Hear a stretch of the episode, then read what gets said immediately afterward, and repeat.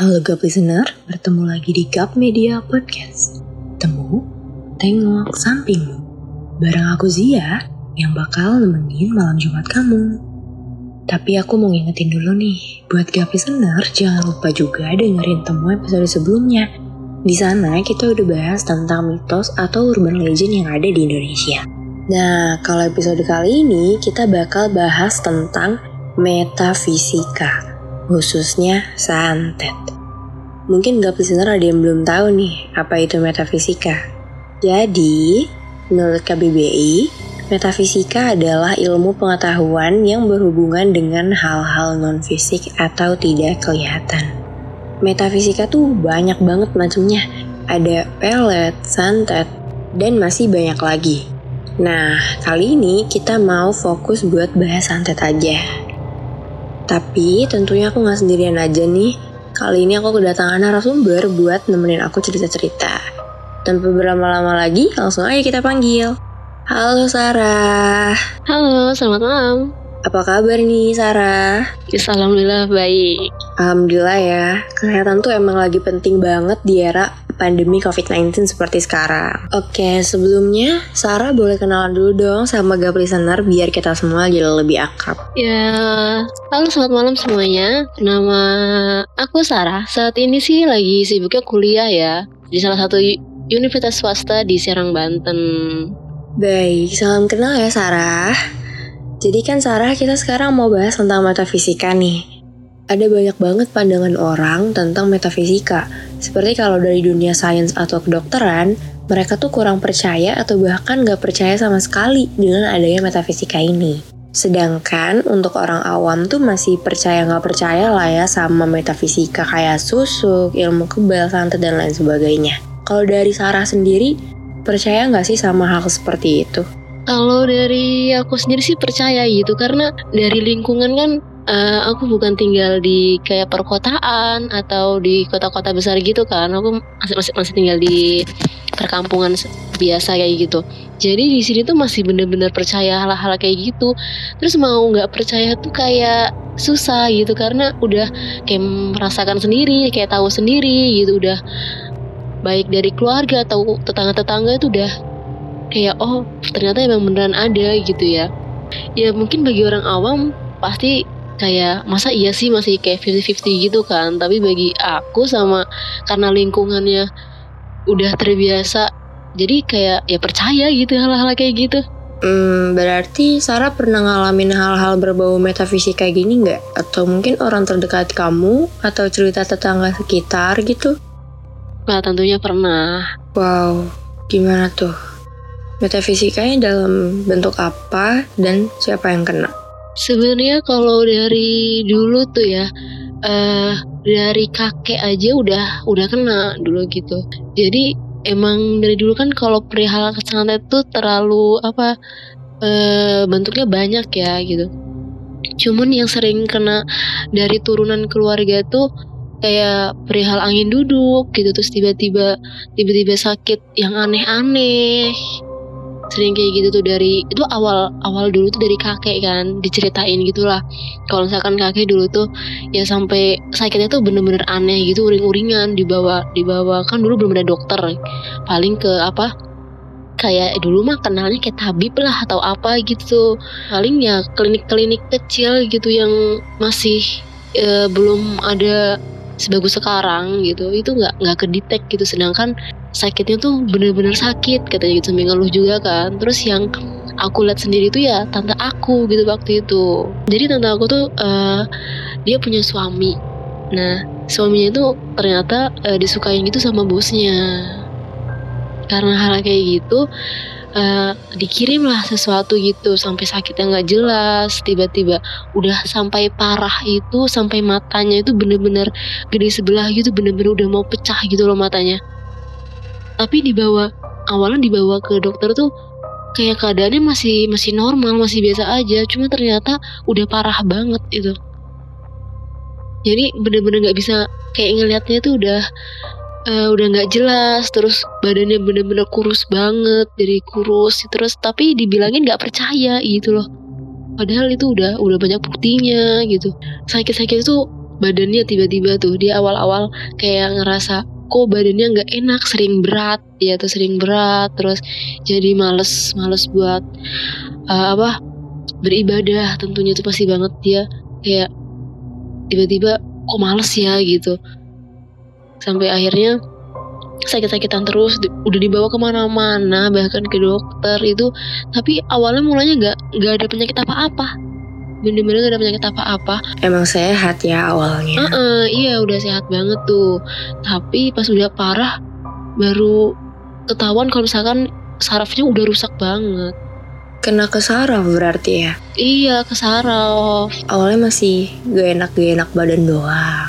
Uh -uh, iya terus kenapa tuh bisa sampai ke mata nah jadi e, di mata kiri dia tuh matanya membesar gitu tuh bengkak gitu ya atau bernanah? Uh -uh, iya bengkak doang. Jadi um, matanya emang nggak bernanah gitu, cuman um, mata itu bener-bener bola matanya sama itu tuh bener-bener bengkak gede gitu, kayak bola bola apa ya?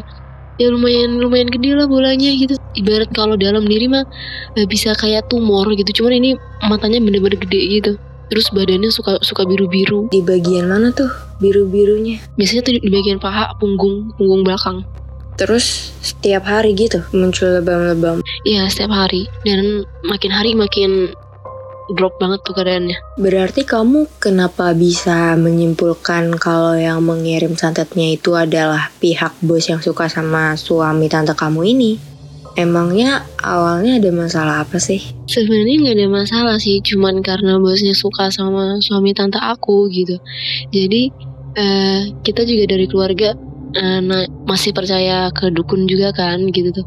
Jadi nanya ke orang-orang pintar nanya ke kiai gitu. Ya percaya nggak percaya ya dia gitu. Sampai akhirnya sampai akhirnya mereka tuh nikah sirih. Tapi tante aku nggak percaya kalau kalau misalkan mereka tuh udah nikah. Oh alah dari tante kamu sendiri kenapa nggak mau kayak menindaklanjuti karena hukum? Karena kan ternyata udah ada bukti jelasnya gitu. Nggak tahu mungkin ini efek dari dari santetnya kali ya. Udah banyak banget tetangga yang ngeliat dari keluarga juga udah ngasih tahu gitu kalau misalkan suaminya kayak gini. Tapi dia tetap nggak percaya dia percaya banget sama suaminya bener-bener percaya. Dan dia tuh malah marah-marahin keluarga keluarga aku gitu yang lain-lain. Kalau misalkan ngebahas-bahas hal kayak gitu. Respon suami tante kamu ngeliat istrinya jadi sakit-sakitan gitu gimana sih? Bener-bener nggak percaya. Bahkan dia aja ngerawatnya jarang uring-uringan. Kadang dia di rumah kadang nggak tahu ke mana. Ya yang anu ini ya anak anak-anak yang untungnya ada anaknya yang besar kan. Jadi seenggaknya bisa ngejagain gitu.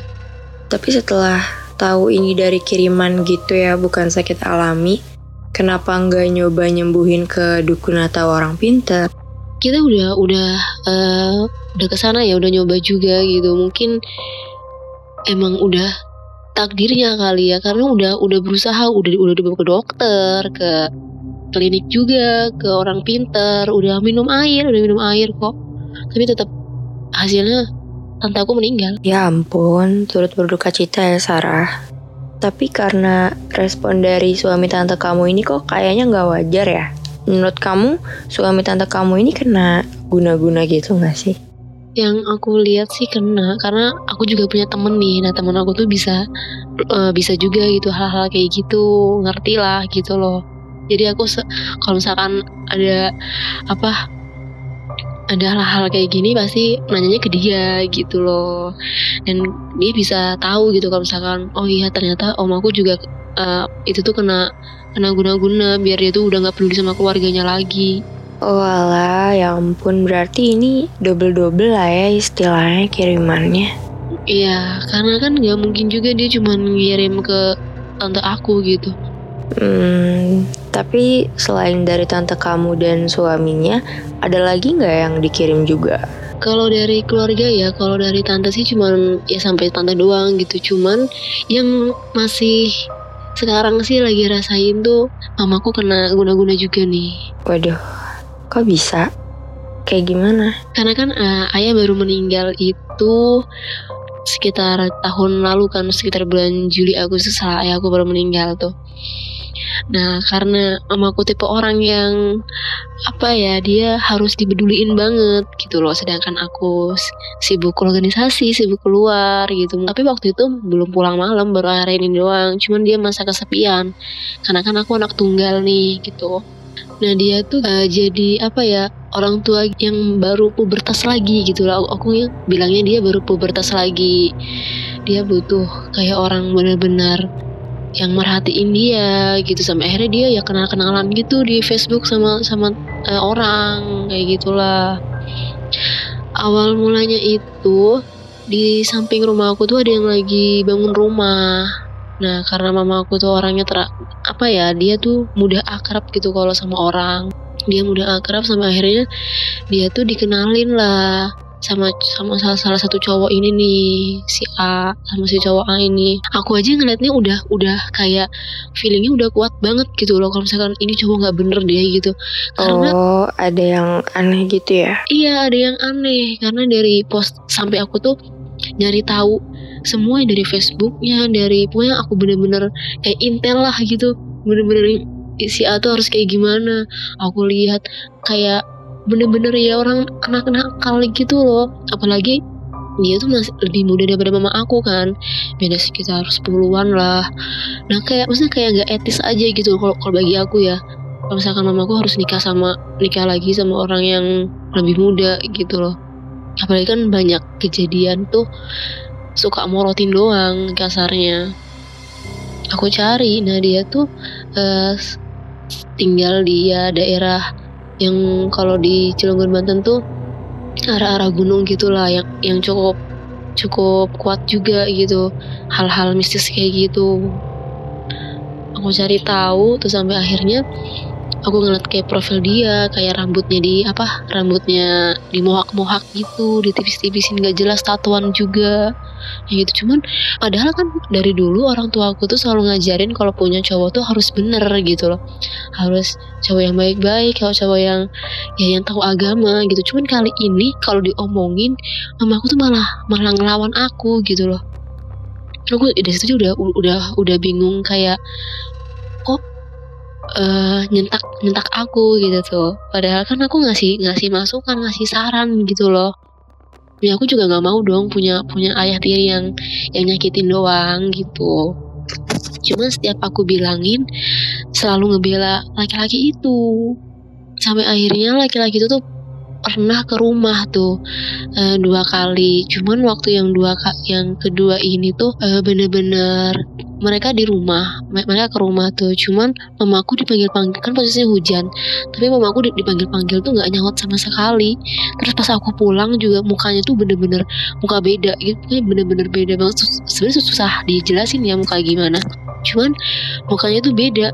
Yang aku lihat setiap aku pulang sama yang malam itu tuh beda. Kayak kok mukanya kayak yang aku paham mah kayak ada yang nempelin gitu loh. Jadi jadi datar jadi aneh mukanya tuh bener-bener kayak kayak ada muka lagi gitu bukan bener-bener muka mama aku. Karena aku kan orang aku orangnya cukup perasa juga kan gitu loh.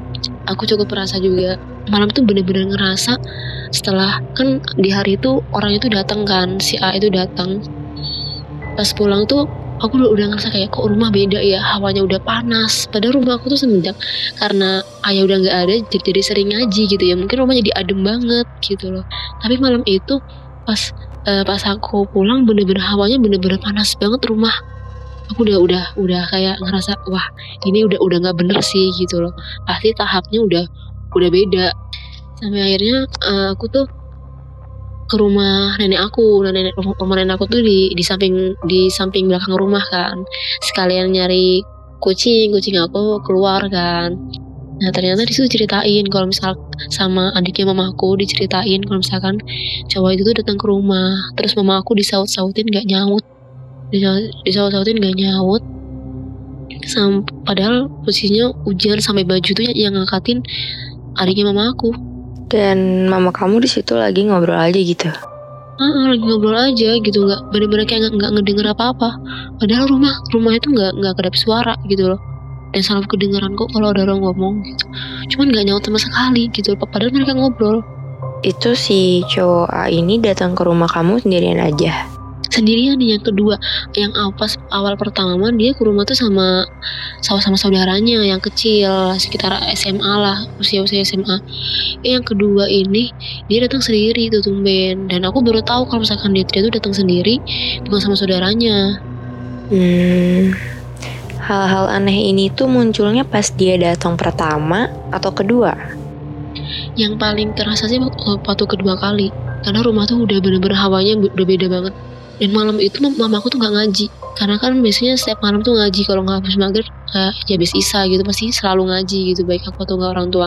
Tapi ini kata adik aku tumben loh mama kamu nggak ngaji malam ini. Katanya kayak gitu.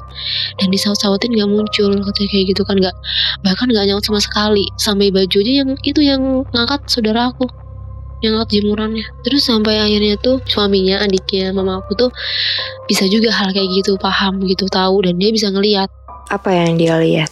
Dan dia bisa ngeliat kayak gitu. Nah terus uh, percaya nggak percaya gitu. Dia ngomong uh, kalau misalkan ayah aku tuh udah datang ke rumah pas sore. Ya percaya nggak percaya? Percaya nggak percaya? Dia ngomong uh, tadi setengah enaman tuh bapak tuh ke rumah pulang kata dia kayak gitu kan. Terus sedih ngelihat mama kamu kayak gitu. Maksudnya kayak baru ya baru bisa tahun gitu loh ditinggal sama ayah. Tapi udah ada cowok ke rumah. Sedih terus dia bilang buat jagain aku gitu tolong ya jagain jagain Sarah gitu. Hah? itu yang bilang tolong jagain Sarah tuh ayah kamu yang dia lihat. Ya uh, dia ngomong ayah katanya kayak gitu kan. Terus juga aku ngomong tolong bilangin katanya gitu. Sebenarnya mama Mama Sarah tuh udah kena guna-guna sampai akhirnya sekarang tuh rumah tuh dipagerin gitu, bisa dipagerin pakai bacaan sama om aku. Pagar gaib gitu ya? Hmm, semacam, semacam kayak bacaan macam itu. Aku, aku yang itu nggak nggak tahu ya bacaan apa gitu cuma yang ngomong kayak gitu karena ya itu udah udah bener-bener pas-pas banget. Mama aku tuh bener-bener sampai nggak mau ngelepasin dia gitu.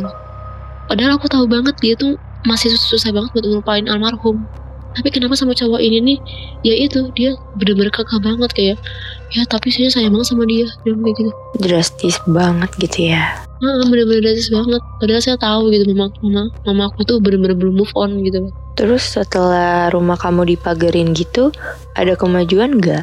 Uh, sebe ya sebenarnya aku tuh punya minta bantuan ke teman-teman aku juga kan. Selain ke om aku aku juga ke teman aku yang biasa yang paham gitu loh aku mintain dan dia bacain. Pas banget tuh waktu pas sub subuh subuhnya di subuh subuhnya besok hari tuh sama aku tuh udah ngerasa apa ngerasa badannya pegel gitu tuh ngerasa badannya kayak dia ngomong kok badannya kayak digebugin ya? Gitu dia ngomong kayak gitu. Itu sebenarnya dari teman aku yang bantu nganuin. Sampai sampai akhirnya uh, pas udah sekitar dua hari tiga hari lah udah udah coba dibantu doa gitu akhirnya ya lumayan gitu lumayan kebuka hatinya sampai aku tuh sama mama ziarah gitu ke ke, ke apa ke makam kan. Mama aku nangis kayak minta maaf. Karena dia ngerasa uh, dia ngerasa takutnya al almarhum gak tenang di sana gitu loh berarti kalau sekarang udah clear ya udah bersih gitu. Sebenarnya aku belum nanya lagi sih ya masalah masih nempel apa enggaknya tapi anehnya si A ini nih bisa tahu nomor baru mama aku. Jadi setelah dibersihin mama kamu tuh langsung ganti kontak ya? Tapi dia masih bisa tahu? Nah, dari WA dari Facebook dari yang lain udah aku gantiin semua. Bahkan Facebook aja fotonya beda terus nama juga disamarin. Tapi tiba-tiba pas udah berapa hari gitu aku pulang sama aku cerita mama bingung deh kok orang ini bisa tahu ya nomor mama yang baru. Padahal bener-bener yang tahu tuh cuma baru keluarga deket doang. Sampai-sampai akhirnya aku blokir lagi. Terus, terus mama aku nanya kayak gini. Kamu apain nomornya? Aku bilang, aku blokir lah. Gak ingat ke gitu kan kemarin udah minta maaf ke ayah kata gitu. Terus gimana sekarang? Sekarang aku udah aku blokir lagi nomornya nggak ngubungin lagi sih. Jadi sekarang mah udah nggak ada hubungan lagi lah ya sama si cowok A ini. Ya, mm, udah nggak alhamdulillah. Semoga aja ya nggak sampai terus-terus ya gitu loh. Makanya sekarang lebih apa ya lebih waspada aja gitu loh. Kalau misalkan mama kenal sama orang. Iya lah ya, serem banget. Berarti kalau dari kamu gimana sih supaya kita terhindar dari hal-hal seperti itu? Sebenarnya karena aku juga pernah pernah kena guna-guna Oh ya? Aku pernah sama teman aku sendiri malah itu mah. Boleh diceritain juga nggak? Boleh boleh. Jadi uh, aku tuh dulu emang dari dulu seneng organisasi kan posisinya aku tuh udah punya pacar cuman LDRan gitu lumayan jauh LDRnya nah aku tuh ketemu sama orang di organisasi. Kebetulan emang karena dia sekretaris dan aku ketua organi uh, kayak ketua organisasi departemennya gitu. Lumayan deket sama dia gitu cuman aku nggak pernah dari awal nggak pernah pengen punya hubungan sama dia kan. Cuman dia tetap terus ngejar-ngejar kayak gitu. Nah dia tuh uh, juga tinggal di salah satu uh, kota Banten daerah yang kuat juga gitu hal-hal kayak gitunya. Udah kayak orang Banten tuh terkenal lah ya. Iya udah terkenal lah gitu. Indonesia, Indonesia juga tahu lah salah satu yang kuat daerah apa gitu loh. Nah dia dari situ. Nah dia juga tuh punya keris banyak banget. Dia pernah nunjukin ke aku gitu punya keris banyak banget keris macam-macam adalah 12 lebih mah dan itu bentuknya beda bentuknya beda-beda mini-mini gitu tuh. Dan dia punya pegangan. Sampai waktu itu aku uh, aku tuh malam inget banget malam Jumat lagi halangan aku tuh maksa mau minjem kalung dia. Ternyata kalungnya ada isinya. Ya ampun. Kalungnya kayak gimana tuh? Sebenarnya kayak kalung biasa uh, kalau tahu kalung kayak uh, diamond yang bentuknya agak lonjong gitu warna hijau tapi ini. Hmm oke okay, kebayang banyak kayak gitu lah dan itu ada isinya. Pas banget. Aku pulang sendirian tuh. Naik bis pulang sendirian. Pas aku ngeliat kaca di samping aku tuh ada ada makhluk gitu. Bener-bener wujudnya aneh banget. Kayak gimana tuh wujudnya? Lonjong gitu lonjong dan mukanya nggak kelihatan sama sekali. Dia bener-bener di samping aku. Karena aku duduknya di depan apa depan bis yang ada kan optimis aku nggak bisa ngeliat dari kaca tuh. Kaca yang kecil di atas bis tuh aku aku tuh ngeliat dari situ. Udah ngerasa kayak kok kayaknya ada yang ngikutin gitu kan. Pas aku liat, pas aku liat di kaca sumpah bener aja dong. Dia tuh bener-bener lagi kan aku duduk di kursi tiga di bis tuh. Aku duduk paling paling pinggir pinggir kiri pinggir kiri lah. Nah jadi makhluk itu tuh bener-bener apa duduknya tuh di kursi satu kedua kursi kursi satu dua gitu samping aku ngadepnya tuh uh, bukan bukan duduk duduk ngadep lurus tapi ngadep aku duduknya. Kayak ibarat manusia mah dia kayak ngelipet kaki gitu loh duduknya. Tapi muka, mukanya mukanya nggak kelihatan banget. Sampai akhirnya aku langsung ngomong ke dia kan ini kalungnya ada isinya ya kata aku kayak gitu kan. Dia ngomong e, lagian maksa iya buat jagain kamu ngomong kayak gitu. Bahkan dia bahkan dia itu ngirim ngirim makhluk di rumah aku. Buat? Buat ngeliatin aku. Gila itu sumpah. Eh itu serem banget sih. Bener-bener banget makanya aku pas tuh kayak ngerasa sumpah kok di sini auranya beda gitu di kamar tuh kayak sama ini beda sih auranya beda sih parah. Bahkan pas dia fit call sama aku dia ngomong sama makhluk itu. Dan makhluk dan makhluk itu tuh cerita ke ke orang ke teman aku itu kalau aku tuh telepon sama siapa cerita sama siapa. Hah? tapi kamu nyadar nggak kan kamu lagi video call sama dia terus dia ngobrol sama makhluk itu dan kamu tahu gak sih apa yang mereka obrolin gitu? Kamu bisa denger juga nggak? Atau kamu kayak nggak tahu apa-apa aja gitu? Nggak, kalau aku nggak nggak bisa nggak bisa ngedenger gitu kalau mereka ngomong apa. Uh, karena aku kalau peka cuma sekedar kalau ngeliat pun sebenarnya kalau dulu lebih sering ya gitu lebih sering ngeliat cuman sekarang karena aku tuh dijagain sama sama teman aku dikasih kayak penjaga gitu jadi lumayan ketutup lah gitu nggak terlalu sering ngeliat. Cuman kalau bener-bener lagi capek itu pasti kadang ada aja tuh yang kelihatan. Terus gimana itu sekarang? Kalau sekarang sih eh, itu bener-bener aku susah banget buat ngelepas sama dia gitu. Sampai aku juga tuh, tuh ngerasa kayak kok waktu itu aku, aku tuh tiba-tiba bener-bener kangen banget gitu sama dia. Bener-bener kangen bener-bener pengen ketemu sama dia gitu. Padahal kamu tadinya nggak ada perasaan apa-apa ya? Uh -uh, nggak ada gitu karena emang bener-bener masih punya pacar gitu loh nggak mau neko-neko kan. Nah aku nanya ke teman aku itu yang bisa hal-hal kayak gitu. Dia ngomong kamu sering nat sering nat natap mata dia ya kata dia kayak gitu kan. Aku jawab iya. Ternyata dia tuh bisa ngalirin dari tatapan mata. Oh bisa gitu ya udah horor banget udah udah mana sering ketemu dia kan di organisasi gitu loh kamu masih join organisasi ini sampai sekarang udah enggak alhamdulillah udah enggak Terus ini tuh kejadiannya barengan sama yang tante dan mama kamu tadi nggak? Atau beda lagi? Hmm, beda kalau tante tuh udah udah sekitar 3 4 tak ya nyampe lima tahun lah kalau tante udah udah lama banget. Kalau yang teman aku itu sebelum ayah meninggal itu udah udah selesai gitu. Kalau mama kan baru-baru ini. Terus kamu akhirnya bisa lepas dari yang teman kamu ini gimana? aku minta bantuin teman teman aku yang bisa gitu bener-bener sampai aku tuh minum minum air yang air bacaan gitu nah kan se sekarang aku tuh punya punya air gitu buat diminum aku tuh di dikasih dua sama tapi ini sama tante. Dia karena was was gitu tuh. Dia juga ngerasa kalau misalkan ayah dia ngerasa kalau misalkan ayah tuh meninggalnya karena ada yang ngirim gitu. Tante uh, tante tante aku kiranya kayak gitu. Dia uh, karena katanya nggak wajar lah menurut dia. Sampai akhirnya dia bawa orang pinter gitu ke rumah buat nanemin apalah gitu buat jaga-jaga. Sama ngasih aku air dua dua dua botol. Yang satu untuk mandi yang satu itu air untuk minum tapi jangan sampai habis. Jadi setiap mau habis aku harus isi ulang. Oh iya tapi harus dibacain lagi gitu sama dia? Atau isi ulang aja biasa? Enggak uh, yang baca akunya. Oh kamu yang baca. Cuman aku yang baca surat-surat pendek gitu ada ada surat pendek hmm. boleh tahu nggak apa aja surat-surat yang harus dibacanya sebenarnya kalau surat cuman biasa ya kalau waktu yang buat mandi itu aku cuman baca surat Al-Fatihah sama Al-Ikhlas tuh. Al-Ikhlas tuh kalau nggak salah tujuh kali lah waktu itu. Kalau untuk air minum, aku tuh baca uh, Al-Ikhlas, Al-Falak sama Anas. Masing-masing itu tiga, tiga kali. Cuman itu doang sih. Oke, okay, oke. Okay.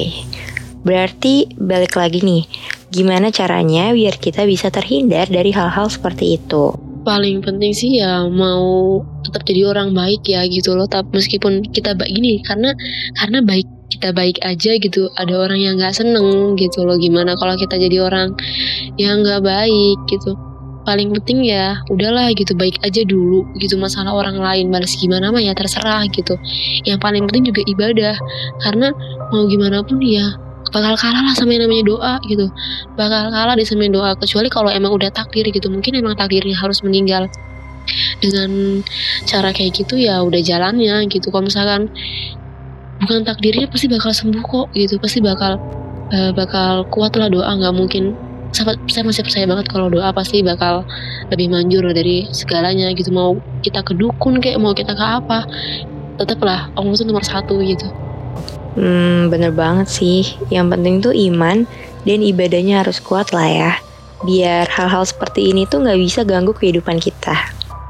Aduh, cerita malam ini seru sekaligus serem banget ya. Sampai-sampai nggak kerasa nih waktunya udah mau habis. Jadi, makasih banyak ya buat Sarah udah mau ngeluangin waktunya dan berbagi cerita-ceritanya di podcast temu kali ini. Makasih juga buat kamu, gak listener yang udah dengerin podcast ini sampai habis. Jangan lupa pantengin terus sosial media kita di Instagram gapmedia.id dan gapmedia.podcast. Follow juga Spotify kita, Gap Media, dan YouTube kita, Grow Up Together Media. Selamat malam dan sampai jumpa di episode temu Tengok Sampingmu selanjutnya.